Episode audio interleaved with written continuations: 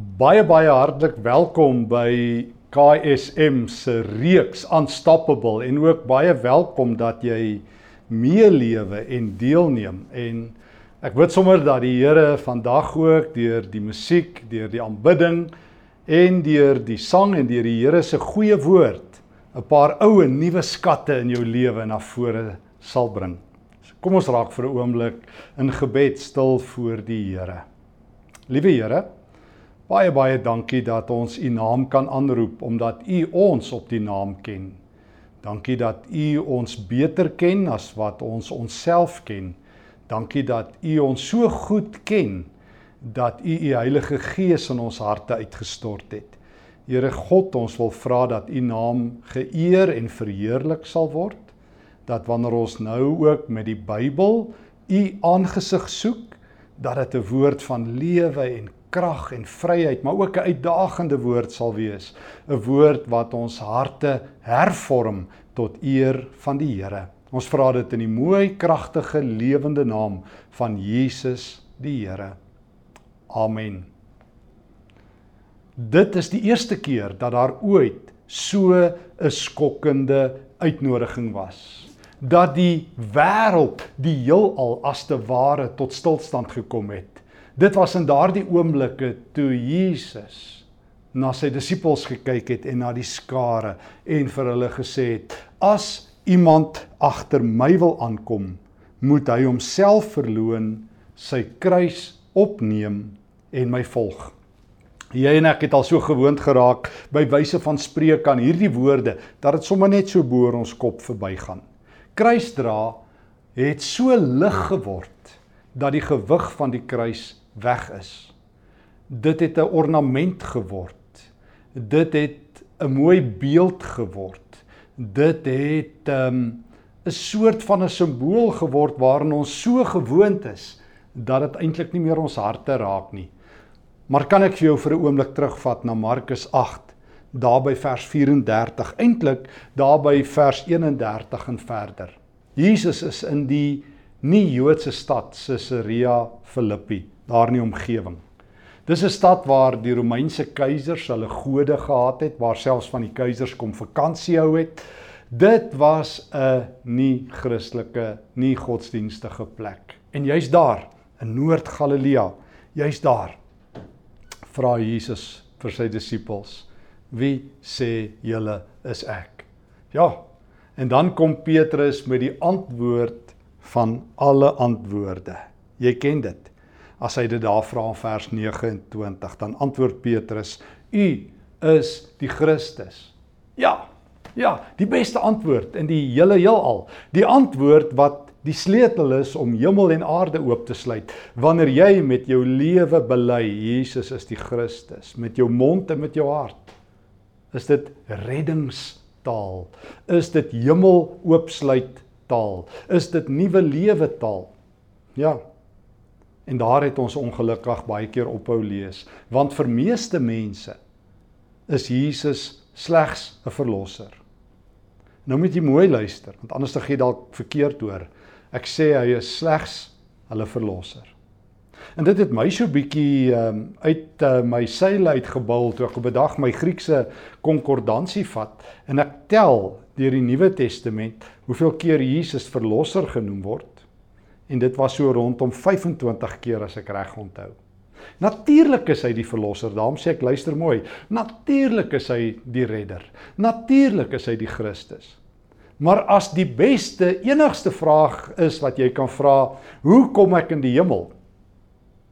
dan het jy nog nie Jesus in stereo in uh, surround sound as jy wil gehoor nie. Dan is dit nodig soos die tema van vandag sê vir hervorming.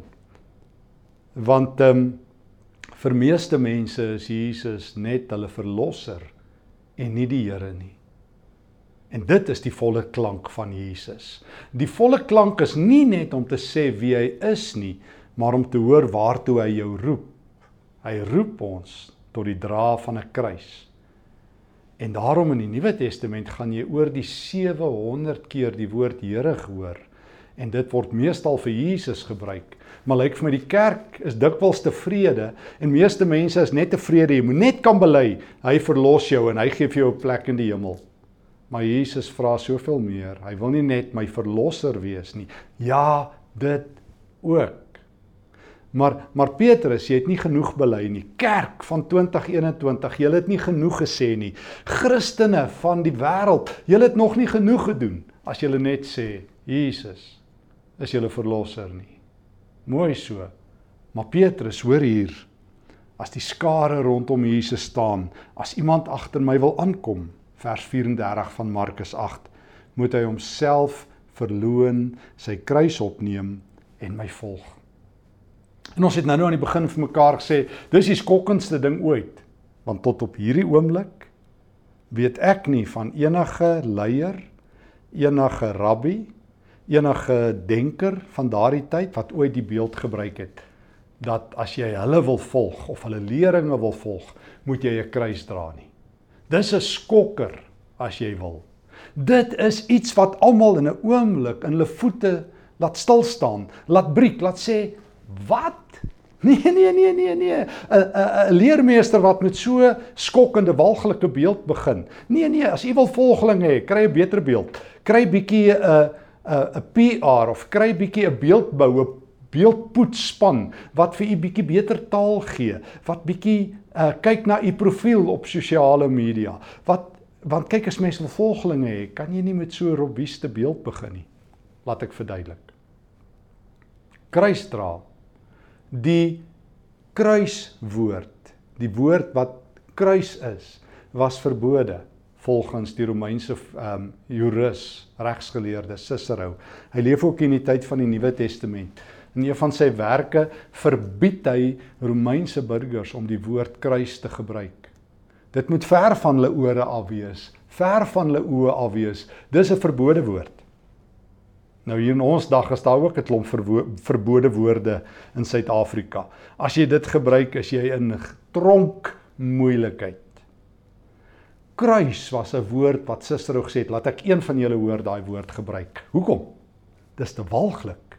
Dis te makaber. Dis te skokkend. Kruise was gereserveer vir die skuim, die uitvaagsels, die misdadigers, die vyande van Rome en jy moes hulle so wreed en so barbaars as dood moontlik doodmaak.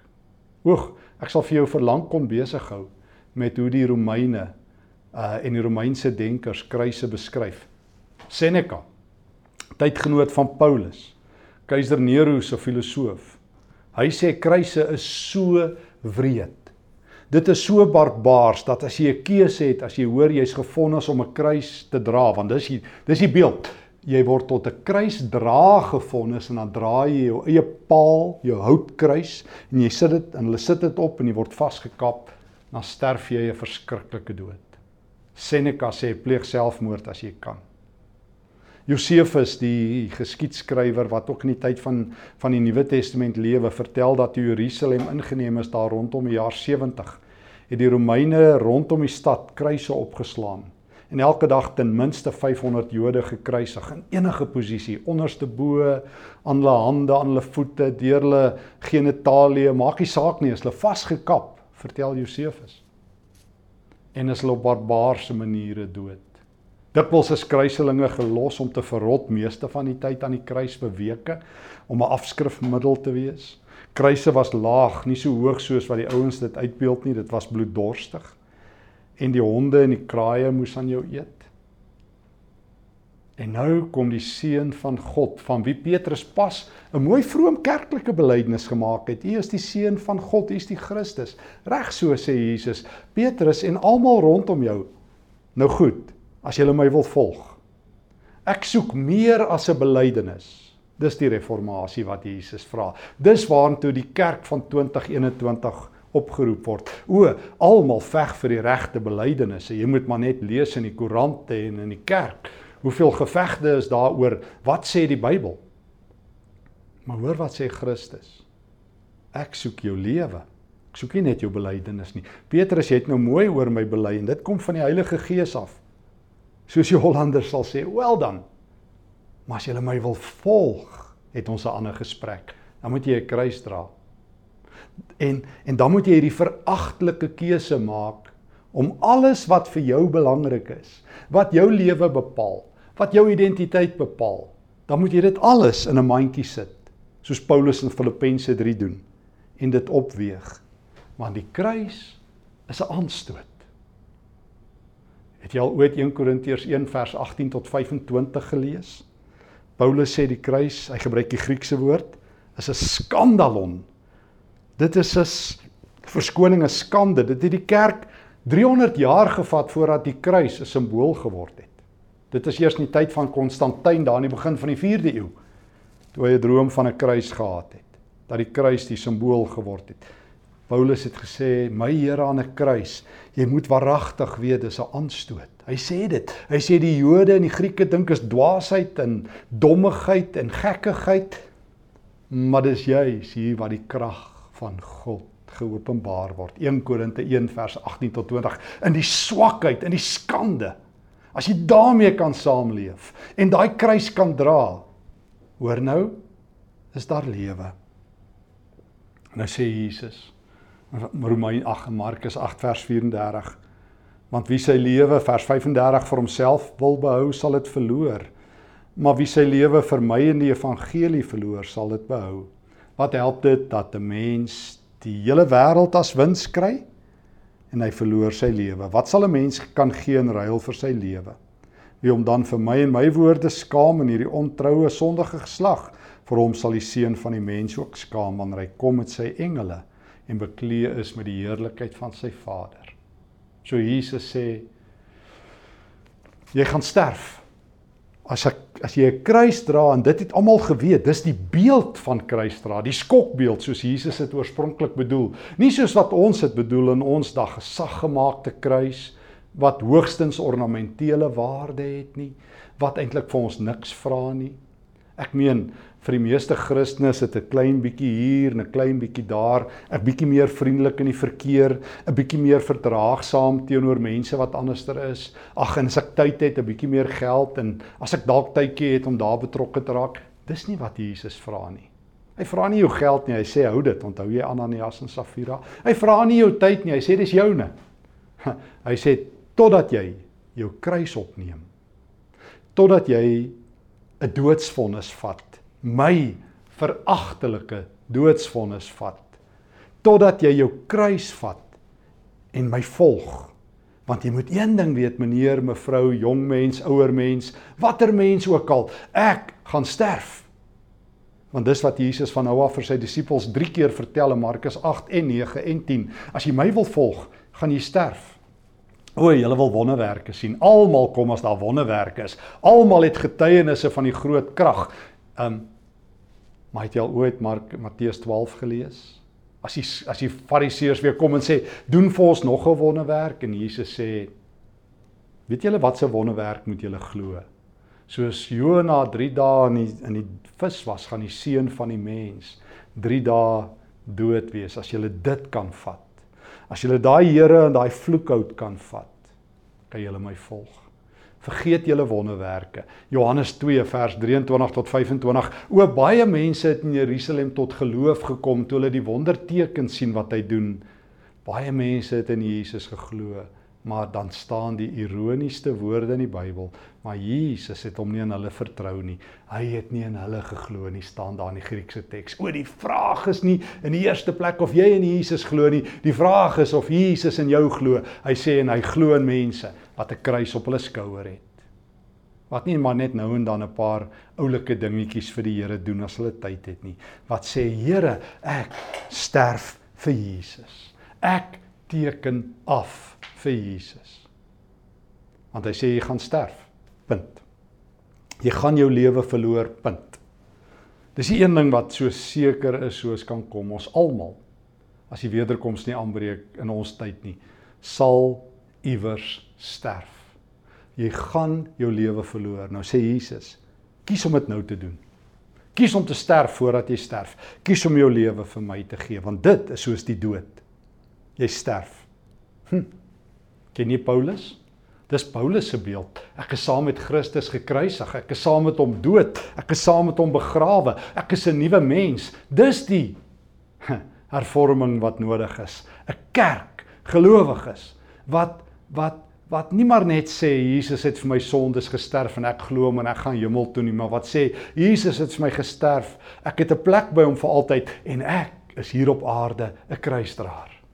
Dis die volle evangelie, die die evangelie wat in 2021 die wêreld sal aangryp wanneer Christene hulle Here volg teen 'n prys. Waar waar ons uitdaging nie is om 'n 'n maklike sagte evangelie te hê nie. Nee, ons wil dit ook nie ongeskik maak nie, maar waar ons 'n evangelie het wat iets kos, want enigiets wat die moeite werd is, kos jou. As enigiets mak, die al die dinge wat maklik is, uh verloor mense ook maklik. Vra maar vir die ouens wat maklik geld gemaak het. Daar is nie so iets nie. Of wat maklik 'n uh, studie voltooi het of wat maklik deur die lewe is. Hulle sal vir jou sê dis 'n leuen. Dis daar, daardie ouens wat Everest opgeklim het, wat Kilimanjaro gaan klim het, wat hierdie uh, uitmergelende fietsritte en maratons hardloop en ry, wat in hulle werk vasbyt, hulle studies jare en jare en jare, wat hulle 10000 plus ure gedoen het. Wat 'n verskil maak. Jesus sê, ek roep jou op tot 'n hoër standaard as jou eie. Ek roep jou op tot 'n hoër standaard as om my net as verlosser te sien. Ek roep jou op tot die belydenis. Christus die Here wat 'n kruis op jou skouers sit, sal jy jou lewe vir my verloor. Sal jy saam met my gekruisig word? Sal jy saam met my vernedering verduur? Sal jy saam met my alles verloor? Want as jy dit nie nou verloor nie, gaan jy dit later verloor. As jy nie nou jou lewe opoffer vir my nie, gaan jy uiteindelik alles verloor. Verloor dit vir my. Sterf vir my sodat jy in my kan lewe. O Paulus het dit verstaan. Want kruisdra is nie 'n pretbederwer.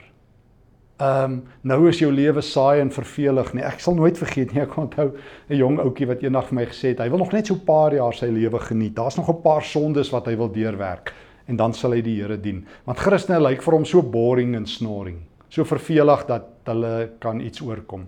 Die Here sê nie ek kom jou pret bederf nie. Hy sê wanneer jy jou kruis dra, verander iets in jou lewe, dan kan jy saam met Paulus jubel. Vir my is om te lewe Christus. Kan jy saam met Petrus sê, Here, waar sal ek heen gaan? Johannes 6. U het die woorde wat lewe gee kan nie saam die Emmausgangers in Lukas 24 sê het ons harte nie vlam gevat toe hy met ons gepraat het nie want jy 'n burning heart 'n brandende hart. Kan jy saam met die disippels in, in Lukas 10 hoor as Jesus uitroep ja julle moenie bly wees omdat die bose voor julle vlug. Julle moet bly wees omdat julle name in die boek van die lewe is en dan juig en jubel Jesus. Kan jy saam met Paulus in Filippense 4 weet dat die vrede van God wat jou verstand en jou hart te bowe gaan oor jou lewe die wag hou. Ja, dan is daar 'n ware reformatie. 'n Reformatie, 'n reformation of the heart. Wanneer jy Christus se kruis voel, die gewig. Wanneer jy alles vir hom gee, jou lewe, jou ego, jou tyd, jou drome, jou planne, veral jou ego. Wanneer jy niks is, sodat jy kan opkyk na God in Filippense 2 se taal almal as hoër as jouself kan ag. Wanneer jy in 1 Johannes 4 se taal met die liefde kan begin lewe, met Christus se liefde en mense kan begin lief hê. Mense wat eintlik nie liefhebbaar is nie, mense wat jy eintlik moet haat, mense wat eintlik verfoeilik is. Wanneer jy hulle begin lief hê, as jy 'n kruisdraer.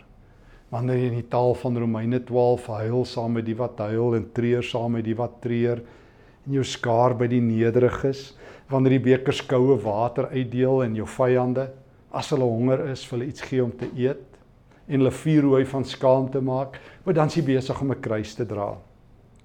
Wanneer jy nie meer al jou aardse geld op jouself uitmors nie maar saam met Barnabas daar in Handelinge 4 vers 32 tot 36 as mense swaar kry ook jou besittings weggee o dan is jy besig om 'n kruis te dra wanneer hy saam met Paulus in Handelinge 20 vers 4 en 35 wanneer jy um, hard werk sodat die armes kan eet? Omdat die Here Jesus gesê het dit is beter om te gee as om te ontvang, o dan is jy besig om 'n kruis te dra. Wanneer mense jou spot omdat jy nie wil kompromiteer met die beginsels van die wêreld nie, dan dra jy 'n kruis. Wanneer jy jou nie skaam vir die evangelie nie, maar weet dis 'n krag van God tot redding en tot lewe o dan is jy besig om 'n kruis te dra. Maar bo alles wanneer jy uitroep in Filippense 1 vers 21, vir my is die lewe Christus en die sterwe net 'n wins. Jawel, dan is jy 'n kruisdraer. Dan het die evangelie van Jesus Christus aangekom, aangeland. Ja, dis wonderlik.